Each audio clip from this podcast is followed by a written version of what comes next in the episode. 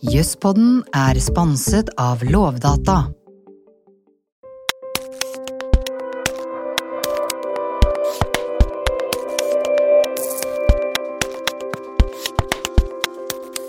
Når vi trodde at det endelig begynte å løsne etter en lang høst med strenge tiltak, så ble det påvist uh, mutantvirus i Follo og full delstengning igjen.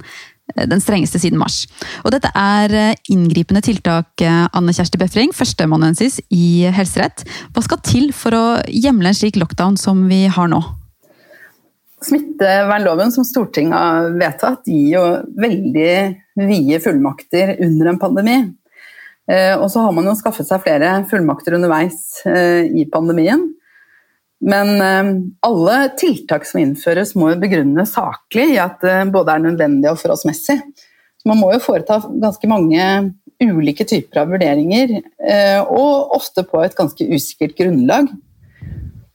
Ja, så Smittevernloven er, eh, det er hjemmelen. Hjemlene ligger der. Eh, men så er det masse vurderinger i tillegg, fordi hjemmelen er et grunnpremiss. At det er nøkkelen som låser opp verktøykassa. Men så eh, er det mange andre vurderinger som må foreligge i tillegg.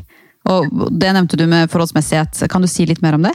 Ja, altså Det grunnleggende kriteriet for å i det hele tatt iverksette smitteverntiltak, det er at det er nødvendig for å begrense skadevirkninger av en pandemi. Eh, hva som er nødvendig, det kan være ganske usikkert. Og særlig nå når vi, vi er jo rammet av en helt ny type pandemi. Eh, et SARS-virus, RNA-virus, som endrer seg hele tiden. Eh, og som vi ikke har hatt før. Og det er jo usikkerhet både om hvordan vi klarer å forebygge smittespredning, og hvordan vi klarer å behandle de som blir alvorlig syke av dette viruset. Eh, og denne usikkerheten den ligger også inne i loven som føre-var-vurderinger. Men det som er viktig, er at man synliggjør hvilke vurderinger som er gjort. Og føre var-vurderinger som i eh, føre var for å forhindre eh, pandemi, eller altså sånn, de, de, konsekvensene av en pandemi, eller føre var-vurderinger før man iverksetter tiltak, at de virkelig skal være nødvendige? Nei, Det er føre-var-vurdering i forhold til smittesituasjonen ja. og skadevirkning av situasjonen. Og I starten av denne pandemien eh, så visste vi jo veldig lite. Nå vet vi jo mye mer. Og, og det vi vet om det muterte viruset som har kommet fra, fra, England, det er at det smitter mye lettere, men vi vet ikke om det er mer dødelig. Eh, det påstås det fra noen hold. Og, eh, men det at det smitter lettere innebærer jo at man kanskje må iverksette enda tøffere tiltak for å bremse smittespredning. Enn den vi har nå?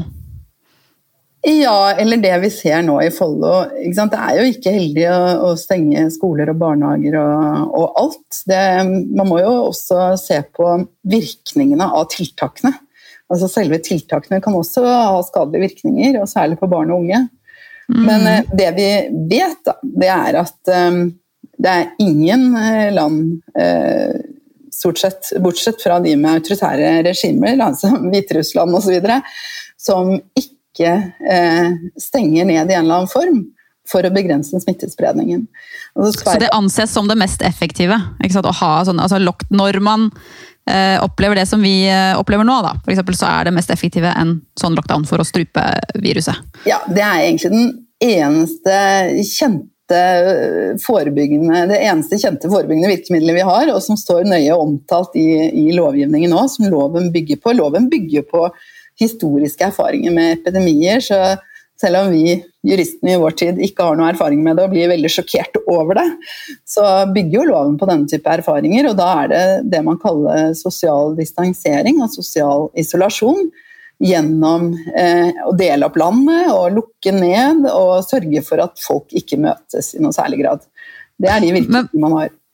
Men var, da, um, var dette hjemmelsgrunnlaget også da helt klart og på plass uh, i mars? Altså under den første nedstengningen vi hadde?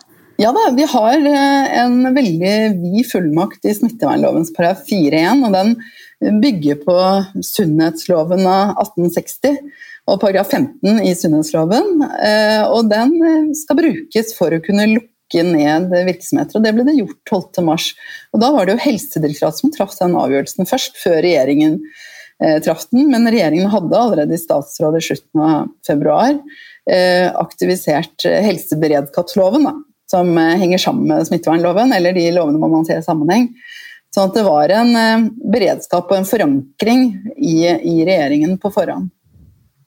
Men det, er, jeg, jeg bare, det var et arrangement i regi av Det juridiske fakultet i Oslo i november i fjor som het sånn 'Har staten hjemmel for koron koronahåndteringen?' Og det var da en sånn hva skal jeg si, paneldiskusjon, da, digital of course. Men da bare i beskrivelsen til dette arrangementet så sto det blant annet Munnbind, utvidet karanteneplikt, påbud om hjemmekontor, begrensninger på antall gjester i private hjem, nedstengning av næring og digital overvåkning av borgere er noen av de nye smitteverntiltakene som er iverksatt høsten 2020 med tilsynelatende svak eller manglende hjemmel. Hva tenker du om det? Jeg har jo sett at karantenetiltak er blitt omtalt som en rettslig nyvinning og som ulovlig frihetsberøvelse. Jeg tror man må lese opp på historikken her. Altså. Vi, vi, har jo forordninger fra kongen i Danmark fra 1810, nei, 1710 når det gjelder karantene, og fikk de første reguleringene i begynnelsen av 1800-tallet. og Vi har hatt en egen karantenelov. og Det finnes en internasjonal eh, avtale fra, som heter Parisavtalen 1851, som regulerer karantene.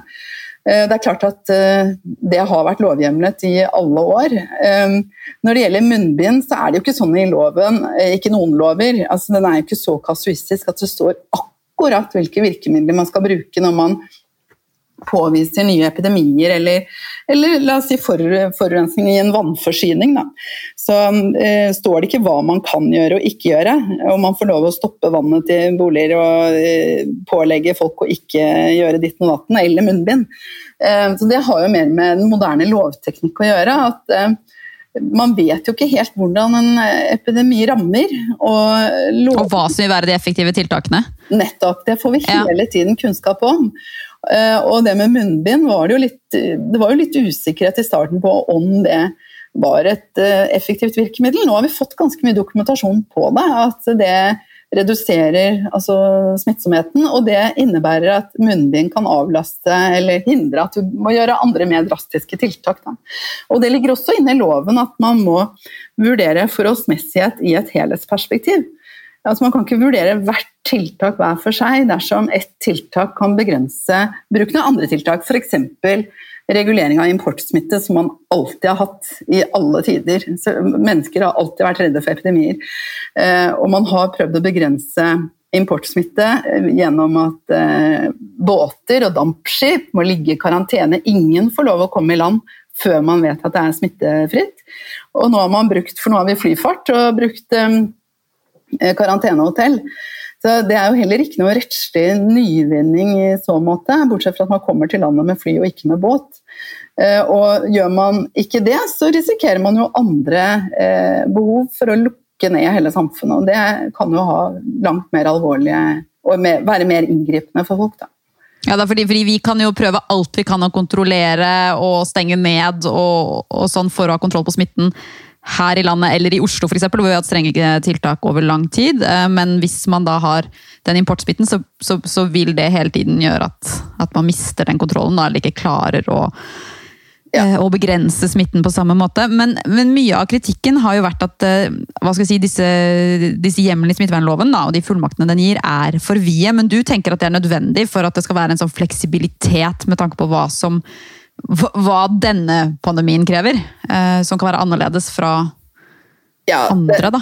Dette er jo ganske grundig drøftet i forarbeidene, både til sunnhetsloven av 1860 og smitteloven fra 1994, som erstattet sunnhetsloven og en hel rekke andre lover. Så diskuterer man jo eh, hvordan utformingen bør være for å være presis nok, men samtidig generell nok til å kunne brukes i de veldig ulike typer smittesituasjoner som oppstår. Eh, og det videste er vel eh, sant, dette generelle eh, kan du si, korrektivet da, om at man må dokumentere nødvendighet i en eller annen form, og forholdsmessighet. I loven så er det oppregnet da, typetilfeller av inngrep når man rammer seg en epidemi. Og så er det viktig å være klar over at Eh, kapittel fire i smittevernloven gjelder jo da befolkningsrettede generelle tiltak, mens kapittel fem gjelder individuell tvang. Altså tvangsisolering og tvangsinngrep. Og Der kommer jo rettssikkerheten for fullt inn, og også da med rettigheter til overprøving på en helt annen måte enn de generelle tiltakene. Ja, På hvilken eh, måte da? Nei, altså Hvis du blir eh, tvangsisolert fordi du har eh, smitte i en institusjon, blir holdt innesperra, så har du rett til å overprøve det. og Det er et individuelt vedtak som må begrunnes. Her kommer alle rettssikkerhetsgarantier inn. Når du pålegges å oppholde deg hjemme i ti dager fordi du har fått påvist covid-19-smitte, så har du ikke den type rettigheter. Det er en, et, generelt, en generell regulering som brukes for å hindre smittespredning. Og hvis alle overholder eh, karantenetiltakene, så blir det jo også da mindre behov for større nedlukninger. Mm. Ja, det, det, er sant. Hva, men hva mener du er eh, de viktigste vurderingene vi står overfor nå? Det viktigste nå er jo um, hvordan altså, Det er jo vurdering av den faktiske situasjonen. og det er klart at den situasjonen vi står i med en pandemi, er veldig krevende for oss jurister. For vi må jo forstå eh, pandemiens eh, skadevirkninger. Ja, du kan si liksom Det blir mye faktum. Ja. Eh, blir nesten viktigere enn en jussen. Ja. ja. og for å kunne bruke smittevernloven, så må du på en måte klargjøre faktum. Da, fordi i smittevernloven så er det jo legaldefinisjoner av allmennfarlig smittsom sykdom og alvorlig utbrudd. Og Her har jo WHO kategorisert eh, covid-19. Eh, og Ikke bare har de sagt at det er en global epidemi, eller en pandemi, da, men det er også en trussel mot menneskeheten. Så Vi fikk jo veldig alvorlige advarsler fra WHO i, i mars, og de aller fleste land de valgte da veldig rask nedlukking. Fordi man var redd for denne eksplosive smittespredningen som dette viruset så ut til å ha. Da. Og mm, hvis du ser eh, på forskning som tar utgangspunkt i å sammenligne land, så viser det seg at de landene som reagerte raskt og lukket ned raskt, de har fått mindre skadevirkninger både på økonomi og på befolkning enn de som hvor det tok tid å iverksette tiltak. Vi som jurister vil jo da si at nei, men dette må vi sende på seks ukers eh, høring, og så må vi uttale oss om det før man kan lukke ned. Eh, her mente myndighetene at vi var i en så alvorlig akuttsituasjon etter at WHO kom med sin erklæring, at man måtte lukke ned umiddelbart. Og da må vi jurister gå inn i i faktumet for å forstå var det saklig grunn for å skippe hele dette høringsinstituttet, og var det saklig grunn for så eh, omfattende nedlukning. Da. Og, og, Men samtidig, ja. ja. Og det, Nei, jeg bare tenker... spørsmålet, altså, fordi Vi vet jo mer i dag enn det vi visste i mars. F.eks. var det riktig å lukke barneskolene. Ikke sant? Og hvilke konsekvenser det har. Eh, og da kan man jo ta evalueringer underveis. Man kan jo ta evalueringer i etterkant òg, hvis det er et behov for å bare Vi må gjøre dette nå! Så kan man også ha en sånn, men vi vurderer tiltaket da etterpå, alle kan komme med innspill, og så kan vi justere. Men jeg, jeg bare tenkte også på det med, eh, som du nevnte i sted, importsmitte. da. Eh, et problem her som, som, man mener var med på å øke smitten, var jo nettopp at eh, at uh, regjeringen hørte på uh, arbeidslivsorganisasjonene uh, ja. og angående karantene for, eh, for, arbeidstakere som kommer fra utlandet. Eh, og sant, Da kan man jo si at sant, hadde, man en, hadde, man hørt på flere instanser da, eh, og hørt på helsefaglige råd, så hadde det kanskje blitt vurdert annerledes. Og at man hadde hatt en annen smittesituasjon enn nå. Da. Så Det er jo et argument for at vi trenger disse prosessene, da. Ja, og det er jo Jeg vil jo si at det er jo omfattende prosesser blant myndighetsorganer også. Og, og, det er veldig interessant å se hvordan de jobber sammen, og hvor mye de jobber nå med dette her. Og, og uenigheten dem imellom. Det med importsmitte, jeg tror vi ble litt for fornøyd med oss selv, rett og slett. Og så slapp vi opp. Altså, det startet jo med Hurtigruta. Hybris, ja. ja. Som kom inn med masse smitte til Nord-Norge. Eh, og så kom alle disse flyene og, hvor man stolte på at eh, disse arbeiderne ville gå i egen karantene på arbeidsstedet. Og man trengte da ikke noen andre restriksjoner. Og så kom karantenehotellet i november. Og så har jeg bare lyst til å si at man må se litt kritisk på eh, sånn disse avveiningene som gjøres. Altså det samme gjaldt diskusjoner rundt karantene i de nordnorske kommunene.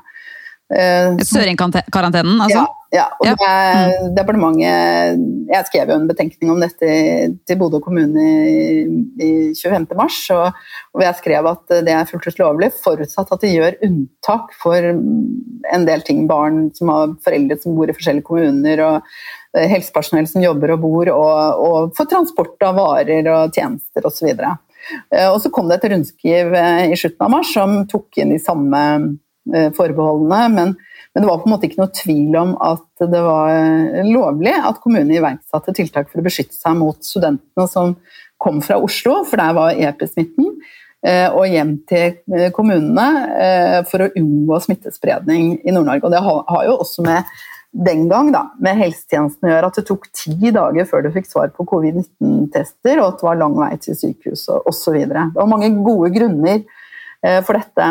Men da var også NHO på banen og, ville, eh, og slo i bordet og ville nekte dette. Så man må se på Det er jo det som er det krevende, da, at du må avveie eh, veldig mange hensyn. Og vi jurister vi er jo vant til å se på eh, ivaretakelsen av den individuelle friheten. Det nye nå er at vi er nødt til å ta med da, sant, den retten alle har til beskyttelse mot epidemier og beskyttelse av liv og helse, og hvordan den skal avveies. og en frihet for et menneske eller for NHO, da, eller for, det vil jo gi ufrihet for alle de som blir alvorlig syke av covid-19, eller for andre som blir rammet av en nedlukking som følge av importsmitten. Da. Dette, det, nå fikk jeg så flashbacks til X-Fac-pensum, eh, som er det, det tar jo på, på jusstudiet. Hvor det handlet om nettopp sånn at sånn, du har din frihet så lenge den ikke eh, gå på akkord med andres frihet. Da, dette. Eh, ja. Ja, så det med, med individuelle friheter eh, er krevende eh, i denne sammenhengen. Da, fordi eh, det å hindre smittespredning eh, og med de tiltakene innebærer begrensninger i den individuelle friheten.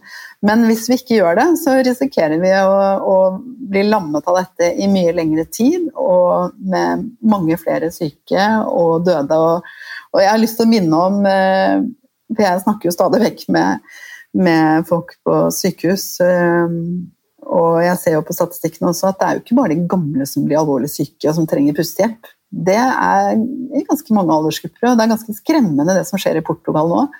Nå kommer ikke ambulansene inn. De står utenfor og venter med folk i 50-årsalderen som ikke får puste og ikke får pustehjelp.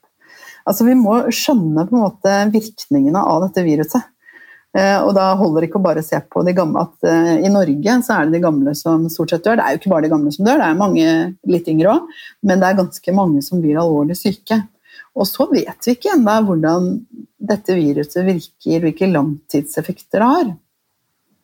så ser Sverige er det jo etablert en egen organisasjon for personer som har hatt mild smitte, men som har fått langtidseffekter. Så det er all grunn Sånn. til å følge alle de andre landene, bortsett fra eh, de autoritære regimene. Og Sverige har jo vel heller ikke har jo skilt seg ut, da.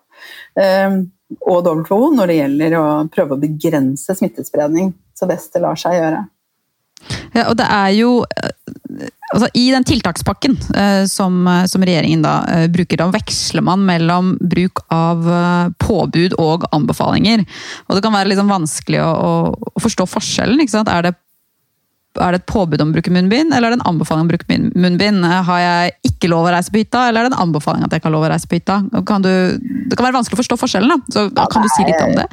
Det er jo norgesrekord i eh, lovrevisjoner og i påbud og anbefalinger om hverandre. Det er ikke lett å orientere seg. Og, det er, eh, og jeg Ja, for du sa i sted jeg, nei, Du sa at det er ikke påbud med munnbind. Jeg bare, Hæ, er det ikke påbud? Jeg trodde det var det. Men det er jo, butikkene har jo sånn plakat eh, 'ta på munnbind før du kommer om inn til oss'. Eh, og går du på butikken uten munnbind, så får du noen skeive blikk, det er jeg helt sikker på. Og, Ja, ja. Men det, Men det er jo den sosiale kodeksen. ikke sant? Jeg tror veldig mange føler, føler at det ikke er et alternativ å ikke følge anbefalinger. Altså, Jeg følger selv anbefalinger som om de var påbud. Det er liksom bare gjør alt riktig hele tida Ja. for å være på den sikre siden. Um, Ja, jeg tror den norske befolkningen har vært eksemplarisk. Altså, jeg ser at i Sverige er det store utfordringer med det. hvor de har hatt ansamlinger med folk og smittespredning og nye, ja, nye smittesirkler stadig flere steder. Fordi folk ikke har fulgt anbefalingene. Så vi, vi, har kommet veldig godt ut av det fordi folk har innrettet seg etter det. Men så har man ikke nådd helt fram da, til um, noen grupper, eh, fremmedspråklige f.eks. Og, og folk som bor tett. Uh, sånn at, uh, og det er ganske uheldig at veldig mange av de som ligger på sykehusene i dag, det er jo da folk som kanskje ikke har skjønt budskapet, rett og slett.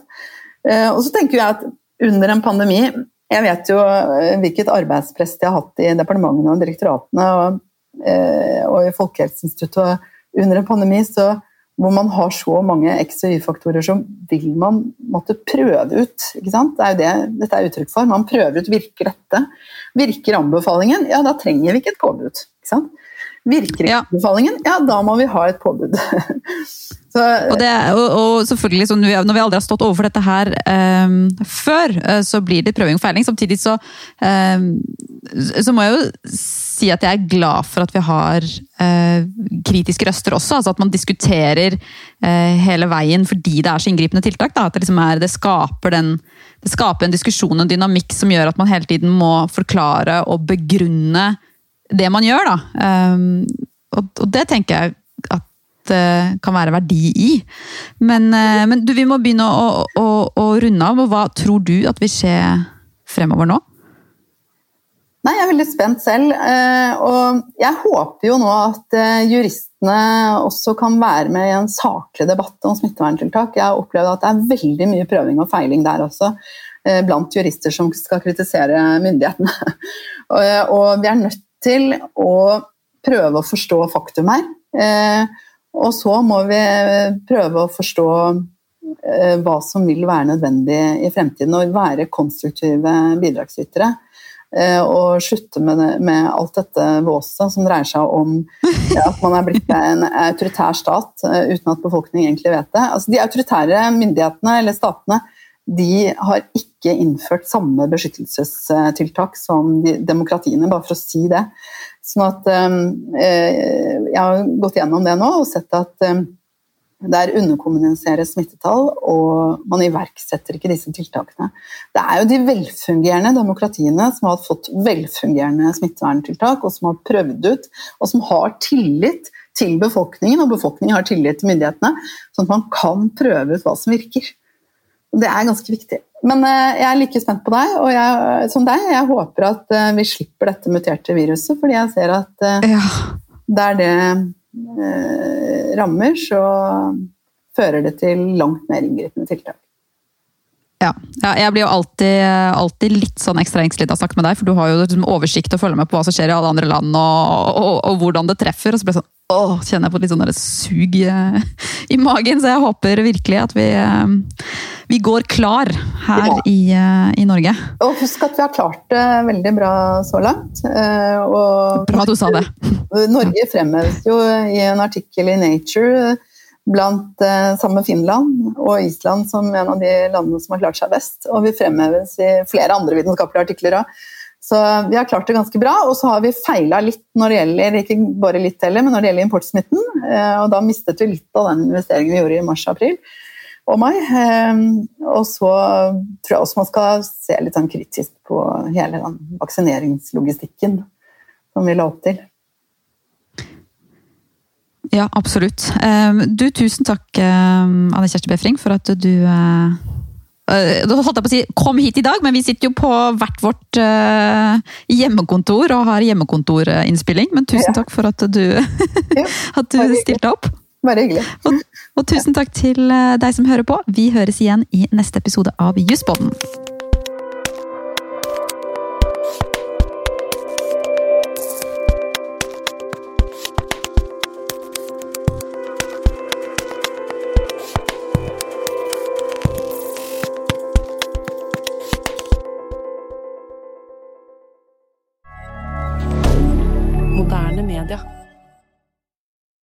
Jusspodden er sponset av Lovdata